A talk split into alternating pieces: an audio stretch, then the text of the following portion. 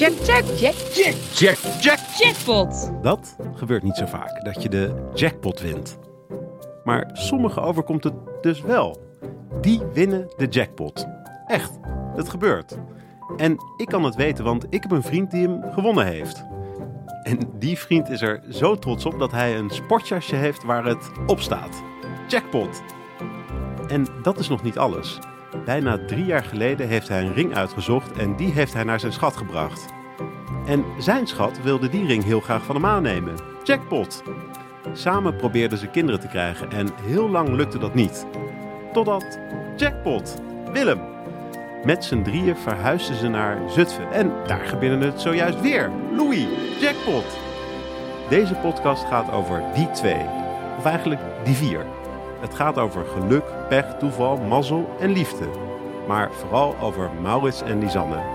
Want wat is het een geweldig geluk dat die twee bijzondere mensen elkaar hebben gevonden. Maar vergis je niet, geluk slaat niet zomaar toe. Er zijn eerst allerlei keuzes en ervaringen die opbouwen naar dat ene moment. Fouten die gemaakt moesten worden, inzichten die je tussen je broers en zussen opdoet. En juist die momenten vertellen van alles over deze mazzelaars. Om die verhalen te verzamelen heb ik alweer jaren geleden voor de vrienden en familie van dit stel een antwoordapparaat aangeschaft. Een antwoordapparaat vol met verhalen over Mau en Lies. En nu Willem een broertje heeft en Mau en Lies ondertussen dus een eigen familie hebben, leek dit mij een mooi moment voor deze tweede aflevering van de podcast. Een aflevering vol met de verhalen van de broers en zussen van dit stel. Dus nu ga ik even kijken waar het knopje zit. Ja, dan kunnen we nu luisteren. U heeft drie nieuwe berichten. Ik ben Frederik, de zus van Lisanne. Zo nu en dan zeggen mensen: Ik zag je fietsen, maar je reageerde niet. Of Ik ben iemand tegengekomen en zij leek zoveel op jou, dat moet je zusje wel zijn. Soms zien Lies en ik het ook. Wij lijken op elkaar. Qua uiterlijk dan, want in ons doen zijn wij verschillend. Je moet je voorstellen dat ik die niet wijzige oudere zus ben. Die doet en zegt voordat ze denkt. Ik ben die flap uit die de confrontatie met mijn ouders telkens weer aangaat. Zelfs nu ik volwassen ben. Ik ga er vol in en kan het iets niet van me af laten glijden. Mijn kleinere zusje daarentegen weegt haar woorden en daden vooraf goed af. Eerst denken, dan doen is haar motto. Behalve die ene keer, ik denk zo'n twintig jaar geleden. Lies moet een jaar of vijftien zijn geweest. Het zal niet veel later dan een uur of tien zijn geweest en ik lag in bed. Op de derde verdieping van ons huis, waar Lies en ik beide een slaapkamer hadden. En wij, wij ook een badkamer deelden. Met veel bombarie hoorde ik Lies de trap naar boven opstrompelen. Gevolgd door mijn moeder, die met een verheven stem instructies aan Lies gaf. Eerst had ik niet zo goed door wat er gaande was. Lies praatte wel wat apart, giechelde en haar stem klonk wat hol of bol, voor zover een stem uh, bol kan klinken. Mijn moeder ging steeds harder praten en ze leek zich steeds meer aan mijn zusje te ergeren. Lisanne, heb jij gedronken? Lisanne, jij hebt toch niet gedronken? Bij ons in de familie wordt er zeker een glaasje gedronken, zoals mijn moeder placht te zeggen. Zij, mijn moeder, drinkt rond borreltijd een sherry, aangelegd met wat water. Mijn vader kiest meestal voor een biertje. En na het eten drinkt mijn vader soms nog een glas rode wijn voor de tv. Geen grote innemers dus. Maar als wij, de kinderen, met aanhang thuiskomen, moet ik bekennen dat de drank meer rijkelijk vloeit. Als kind, nou ja, weet je, als kind, uh, laten we zeggen tiener, toen de alcohol onder 18 jaar nog niet verboden was, mochten wij wel eens een slokje wijn. Maar er werd steenvast gevolgd door de waarschuwing van mijn moeder. Ik dronk de laatste druppel uit mijn vaders glas en ik eindigde als een dronkaard. Maar goed, um, ik dwaal af. Laten we teruggaan naar die ene avond dat Lies naar een feestje van de ouders van haar vriendin Sarah was geweest. De ouders van haar schoolvriendin gaven een feest waarvoor Sarah ook vrienden mocht uitnodigen. Mijn moeder had Lies en een jongen van een paar huizen verderop weggebracht met de auto en een paar uur later weer opgehaald. Blijkbaar had Lies in de auto terug zich naar mening van mijn moeder al wat vreemd gedragen. En ze zou hebben gezegd: Ik ben een beetje misselijk. Mijn moeder had daar in de auto niet al te veel aandacht aan geschonken. Ik denk eens te meer omdat die keurige buurjongen ook bij hun in de auto zat. Maar op weg naar boven, naar Lisa's slaapkamer, kwam mijn moeder achter haar aan. Lisanne, heb jij gedronken? Je hebt toch niet gedronken, Lisanne? Lisanne, ben je dronken? Ik ben een beetje misselijk. Ik ben een beetje misselijk. Ondertussen begreep ik waar het over ging. Mijn zusje, die nooit echt een misstap begaat, had gedronken. Niet één slokje, of een paar, of een glaasje, maar veel meer. Zoveel meer dat zij strompelde, gek praten en lijkte zij vergeten dat mijn moeder dit nooit zou goedkeuren. Ik lag te lachen in bed om die gekke Lies, maar ik moet bekennen ook uit leedvermaak. Ik die altijd alles onhandig aanpakte. Mijn ouders tot wanhoop kon drijven, had het keer, dit keer niet gedaan. Dit keer was Lies de fout ingegaan en had zij de pech. Mijn moeder bleef me op mijn zusje inpraten. Steek je vinger in je keel, steek je dan je vinger in je keel. Lies reageerde niet. Wanhopig geworden stelde mijn moeder vervolgens voor om haar vinger dan in de keel van Lies te stoppen. Daarop reageerde Lisanne wel. Nee, dan word ik pas echt misselijk. Hoe het is geëindigd, dat weet ik niet meer. Uh, vaag herinner ik mij dat mijn moeder wel een emmer naast Lisanne haar hemelbed met bloemetjes lakens heeft gezet. En dat Lies inderdaad die emmer heeft vol, volgespuugd. De volgende dag, toen Lies uh, zich verre van goed voelde, was dat voor mijn ouders voldoende. Boontje komt op zijn loontje. Nadien hebben mijn ouders er nog vaak om gelachen en ik natuurlijk het aller allerhardst. Volgende nieuwe bericht. Ik ben Saskia. Ik ben de zus van Maurits. Ik wil iets vertellen over Maurits als luisteraar. Maurits was een jaar of 15 en ik 20 of 21. Onze ouders, altijd bereid om interessante uitjes te verzinnen, die zouden bijdragen aan onze sociaal, emotionele en culturele ontwikkeling, hadden gestimuleerd dat we met z'n drieën, Mau, papa en ik, naar de wereldtentoonstelling in Duitsland zouden gaan. Van die hele tentoonstelling herinner ik me nauwelijks nog iets. Behalve dat het besef daar in Duitsland bij mij indaalde dat mijn lieve, jonge, hockeyende broertje veranderd was in een punker. Mao droeg een shirt van de heideroosjes. Zorgvuldig gestileerde spikes op zijn hoofd deden de rest. Een heel baggy broek en alles nonchalant. In een oogwenk was Mao getransformeerd tot een skatypunker. Dit was moeilijk in te passen in het wereldbeeld van een koormeisje en het oude plaatje dat zij had van een allerschattigste broertje. Toen ik Lies leerde kennen, was het de eerste kerst van Lies en de laatste van mijn moeder. Een ongezellig feit, maar het droeg zeker bij aan de toegewijde aandacht tijdens deze eerste ontmoeting. Ik was meteen dol op haar.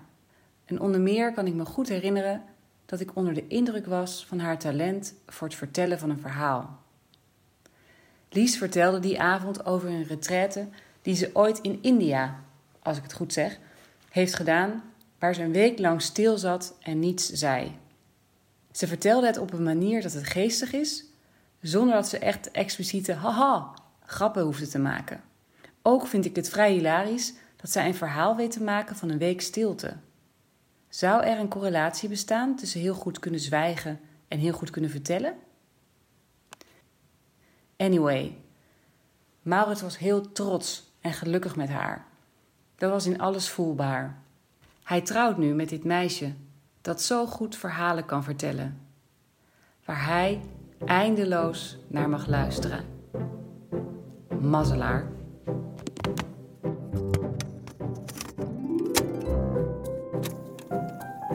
Volgende nieuwe bericht. Ik ben Pieter, het broertje van Lisanne. Lisanne en ik hebben net als ieder ander heel wat van die wat-als momentjes meegemaakt. Lisanne speelde vroeger de dwarsfluit en ik zat op gitaar. Vaak oefenden wij samen thuis in de woonkamer. Niet geheel onverdienstelijk, althans, dat dachten wij toen. Als je de videobeelden van de repetities terugkijkt, dan klonk Boer, wat zeg je van mijn kippen, toch wat minder opzwepend dan wij dachten. Maar we oefenden wel heel goed en je zag de potentie. Alleen er was ook nog een externe factor in het spel. de a-muzikale oudere zus Frederik. Frederik vond het nodig om met een valse melodica, dat is een soort van oversized mondharmonica, krijsend door het beeld heen te lopen en elke videorepetitie bruut te verstoren. Maar, zoals ik al zei, de potentie was er. Wat als Frederik dit niet had gedaan en wij wel ongestoord konden oefenen?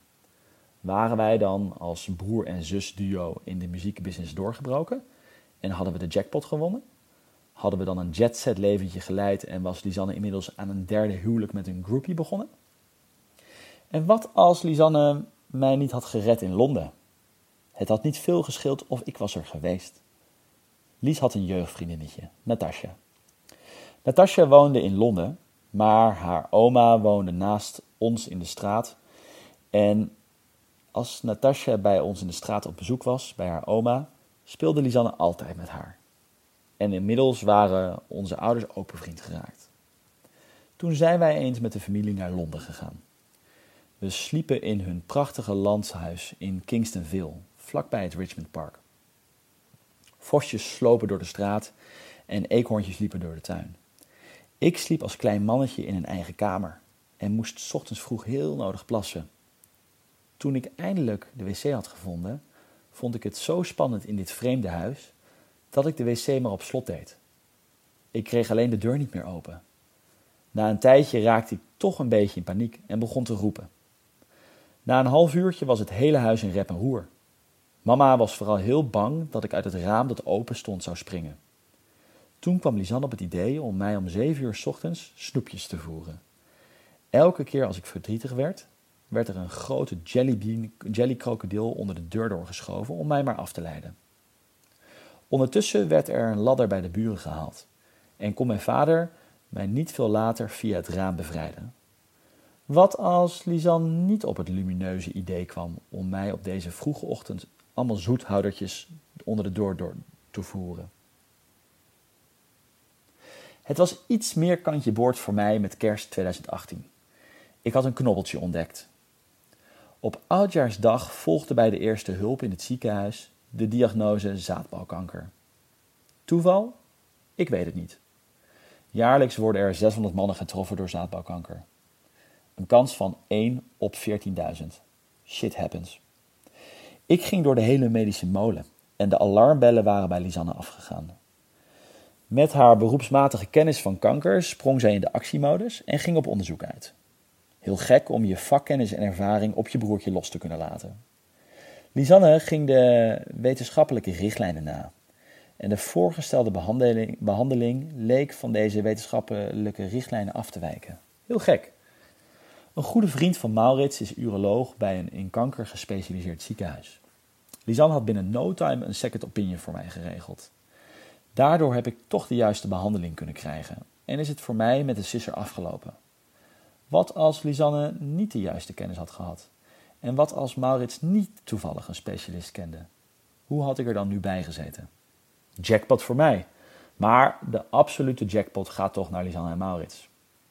Want wat als zij niet allebei de stoute schoenen hadden aangetrokken, zich hadden ingeschreven bij het datingplatform Inner Circle en elkaar toevallig een hartje hadden uitgedeeld? Dan waren jullie niet nu getrouwd geweest. Het leven hangt aan elkaar van toevalligheden. Maar wat ben ik blij dat jij toevallig mijn zus bent, Lies. Dit was het laatste bericht. Je als punker met Spike staande houden naast die corporale oudere zus. Of als keurige dochter je eindelijk eens puberaler gedragen dan je zus. Maar ook in actie komen voor je broertje als het nodig is. Eerst vecht je nog om de aandacht van je ouders, maar dan opeens ben je zelf ouder. En hoe zou dat straks gaan bij Willem junior en Louis?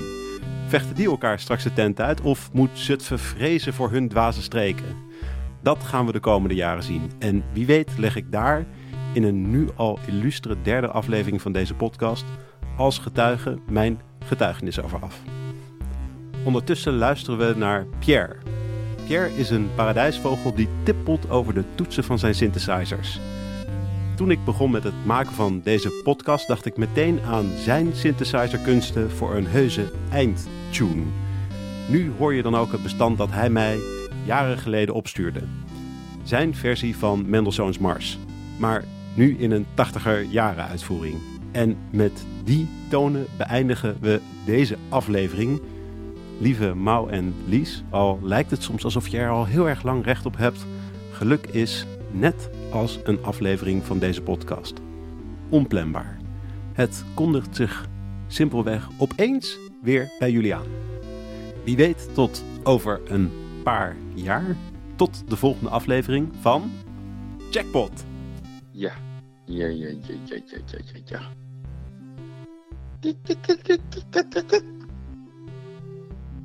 ja.